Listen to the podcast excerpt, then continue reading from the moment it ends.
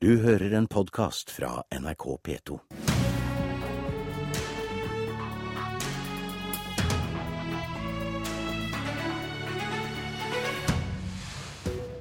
Regjeringa vil ta mer betalt for en barnehageplass for å sponse de som har dårlig råd. Men det mener SV er usosialt. Og trengs organisasjonen Nei til EU 20 år etter folkerøstinga? Hun som blir ny leder, kommer til Politisk kvarter.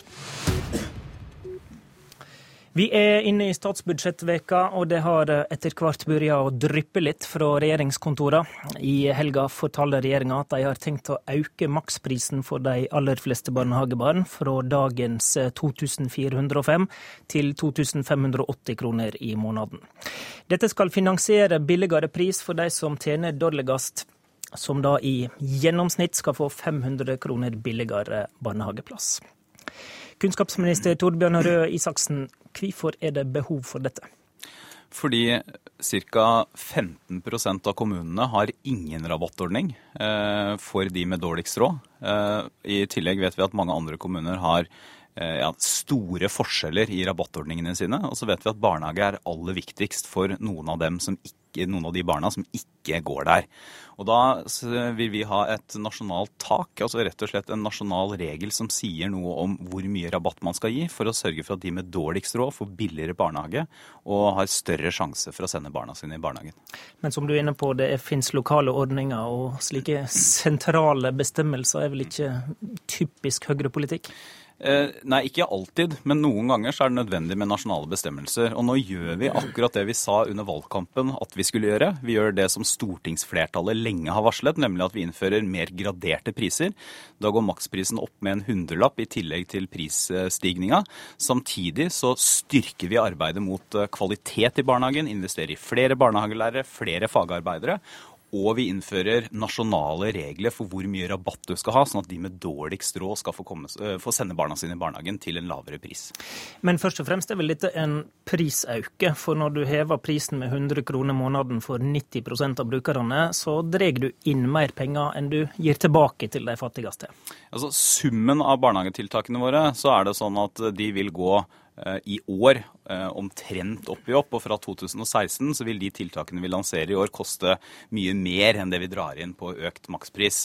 Men vi, vi, har jo sagt det hele veien at vi mener en av de tingene som har blitt skadelidende ved at maksprisen har stått stille eh, så mange år, det er kvalitet og innhold i barnehagen, og at vi ikke har fått på plass et rabattsystem som er skikkelig og ordentlig for de som har dårligst råd.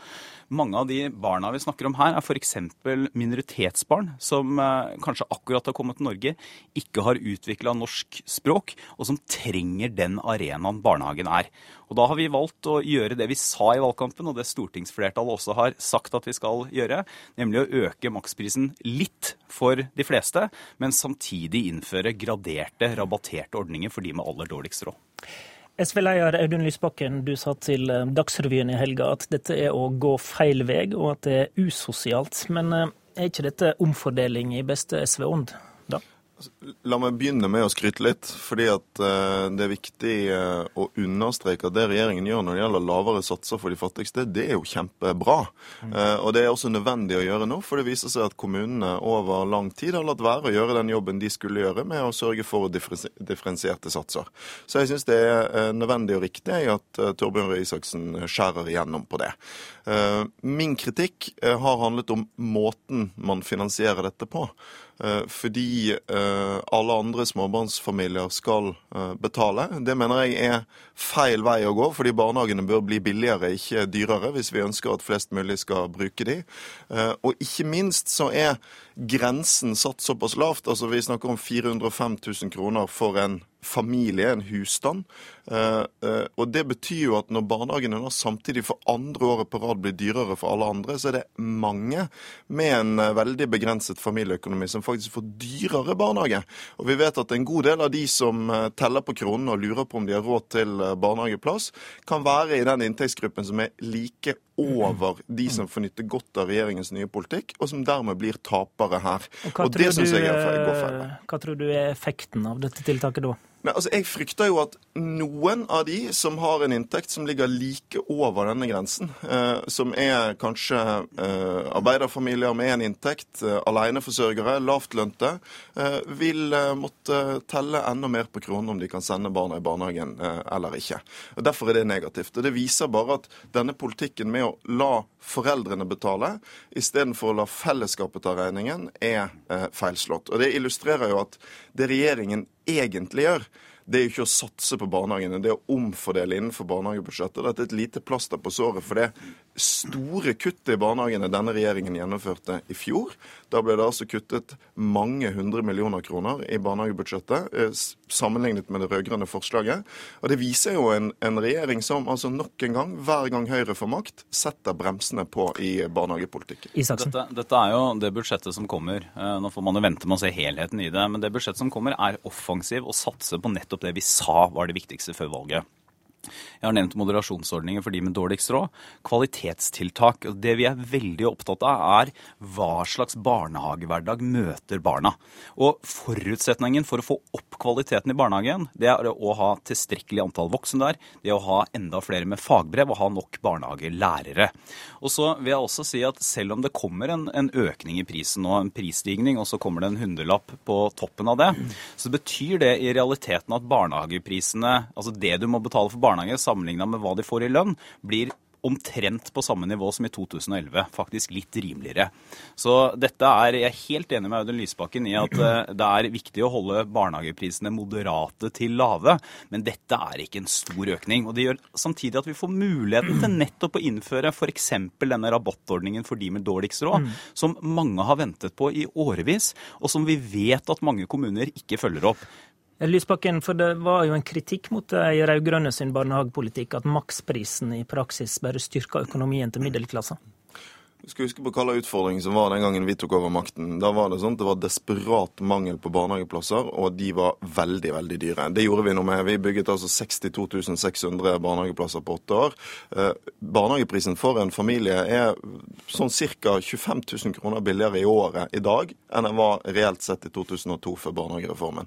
Men det har skapt en ny utfordring. Nettopp det at når barnehagetilbudet har blitt så godt for alle, så blir det tydeligere at det er noen som faller utenfor. Det er det som kommunene burde gjort noe med for lenge siden, som det nå gjøres noe med, og som vi kommer til å støtte. Det store spørsmålet er jo er det nødvendig å nå begynne å gå feil vei når det gjelder uh, foreldrebetalingen, og da også ramme mange lavtlønte, eller er det ikke det? Vi mener at vi kunne gjort det regjeringen nå gjør, på en helt annen måte. Dette er jo en regjering med god råd. Dette er en regjering som kommer til å bruke, ifølge budsjettlekkasjene, nok en gang mange milliarder kroner på skatteletter til de som har aller mest i det norske samfunnet. Eh, og Det betyr jo at dette er et prioriteringsspørsmål. De øker foreldrebetalingen fordi de ikke er villige til å reelt sett prioritere barnehager og tilføre den sektoren mer penger. Jeg, jeg, jeg syns det er et veldig merkelig resonnement at man ikke reelt sett prioriterer barnehagen. Det som, det som har noe å si for foreldre og for de som jobber i barnehagen, det er hvor mye penger som blir brukt på innhold og kvalitet. Det som reelt sett har noe å si for en innvandrerfamilie fra Oslo øst som har dårlig råd, eller en norsk familie fra Oslo øst som har dårlig råd, det er jo hvor mye koster barnehagen i måneden.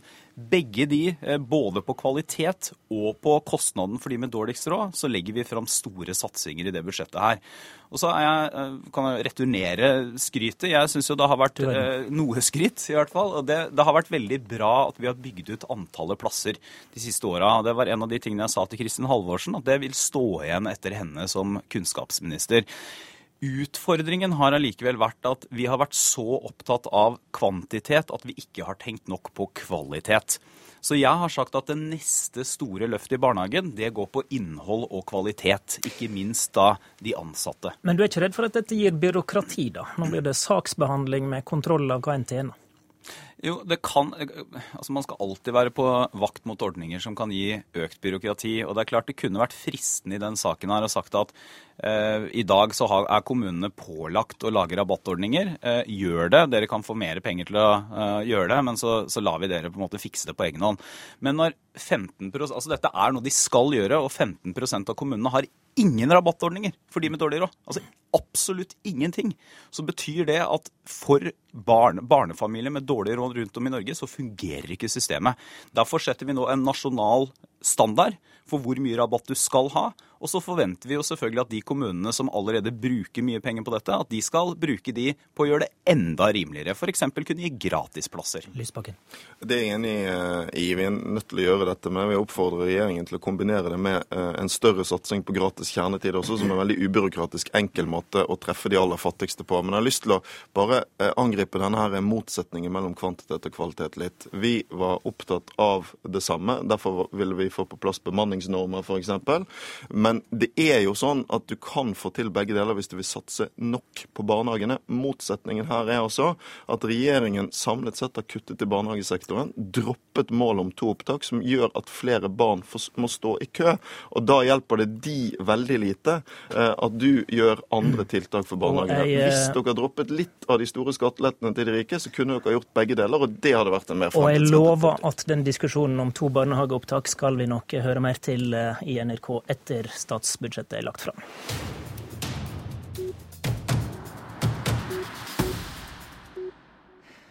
Det er 20 år siden Norge stemte nei til EU. I de siste ti åra har Heming Olaussen sittet som leder i Nei til EU. Nå blir det snart eh, maktskifte. Katrine Kleveland heter hun som nå er innstilt som ny leder for organisasjonen. Og om hun ikke brekker beinet på oppløpssida, så tar hun over som leder i november. Velkommen hit. Takk skal du ha. Hvem er du? Jeg er 48 år. Jeg er en samfunnsengasjert dame som kommer fra Holmestrand. Jeg har vært leder i Norges bygdekvinnelag i seks år. Jeg var stortingskandidat for eh, Senterpartiet i fjor høst, kom ikke inn. Men jeg sitter i sentralstyret i Senterpartiet, og i tillegg leder jeg f.eks. Skolematens venner. Det har vært nei-flertall i folket i nesten ti år. Hvorfor trengs det fortsatt en kamporganisasjon mot EU? Nei til EU det er en viktig politisk allianse og en politisk organisasjon som skal holde oppe trøkket, så vi skal fortsatt ha trygghet for et folkestyre utenom EU. Og de gode tallene de er vi kjempeglade for. Som du sier, i april neste år så vil vi ha hatt nei-flertall i ti år, og så høyt som nå har det nesten ikke vært før. Men vi må holde trøkket oppe, fordi vi, være, vi vil fortsette å være utenfor EU. Skal Norge gå ut av EØS? Jeg mener Norge skal gå ut av EØS, ja. Hvordan skal du få til det? Ja, det er, det er, en utfordring i organisasjonen Nei til EU, fordi at vi har noe ulike syn på det. Vi har EØS-tilhengere eh, e i Nei til EU. Vi har noen som har det veldig travelt med å gå ut. Og det er kanskje da et flertall som jeg tilhører, som vil bygge, bygge allianser og finne ut hvordan vi skal komme ut. Jeg er opptatt av å lytte. Jeg er opptatt av at vi må samle oss så godt vi kan. Men jeg ser at her er det noen ulike syn på saken, så det skal jeg sette meg bedre inn i. Men jeg vil ut. Kan det være risikabelt for en bevegelse som dere å gå til kamp mot EØS? Eh, e vi har, vi har, sagt eh, i Nei til EU at EØS-saken er så viktig for oss. I, nå har vi passert 10 000 direktiv og regler om EØS e i de åra vi har vært med. Vi vil ut, men det kan, det, vi må fundamentere saken sånn at vi kan komme ut på en god måte. For vi vil jo ut, og da må vi klare å få det til. Du, Det er rundt 25 000 medlemmer i Nei til EU, men det har gått litt nedover siste åra. Ehm, og det er en organisasjon prega av godt voksne menn. Ehm, er det viktig for deg å nå litt andre? Ja, selvfølgelig. Og jeg vet at eh, Hemming Olavsen, som har gjort en god jobb som leder i ti år, han uttrykte at han ønska en kvinne etter seg. Hvis jeg nå blir valgt, så vil i hvert fall det være et utgangspunkt. Og jeg ønsker at vi skal få flere aktive kvinner med. Jeg ønsker å nå ungdommen, og jeg tenker at vi må folkeliggjøre argumentene våre både for å opprettholde motstanden mot EU, EU og for å forklare hva EØS har å si for hverdagen til folk. Politikk det dreier seg om eh, hva som, handler, hva som skjer i hverdagen vår, og jeg ønsker å ha med flere på laget. Takk til deg, Katrine Kleveland. Vi eh, minner om at Stortinget nå er samla igjen, og den politiske debatten i gang der. Fra klokka ti i eh, formiddag så er det trontaledebatten. Og hvis du vil følge den, så kan du eh, slå på fjernsyn NRK1 fra klokka ti. Det var Politisk kvarter i dag. I studio, Håvard Grønli.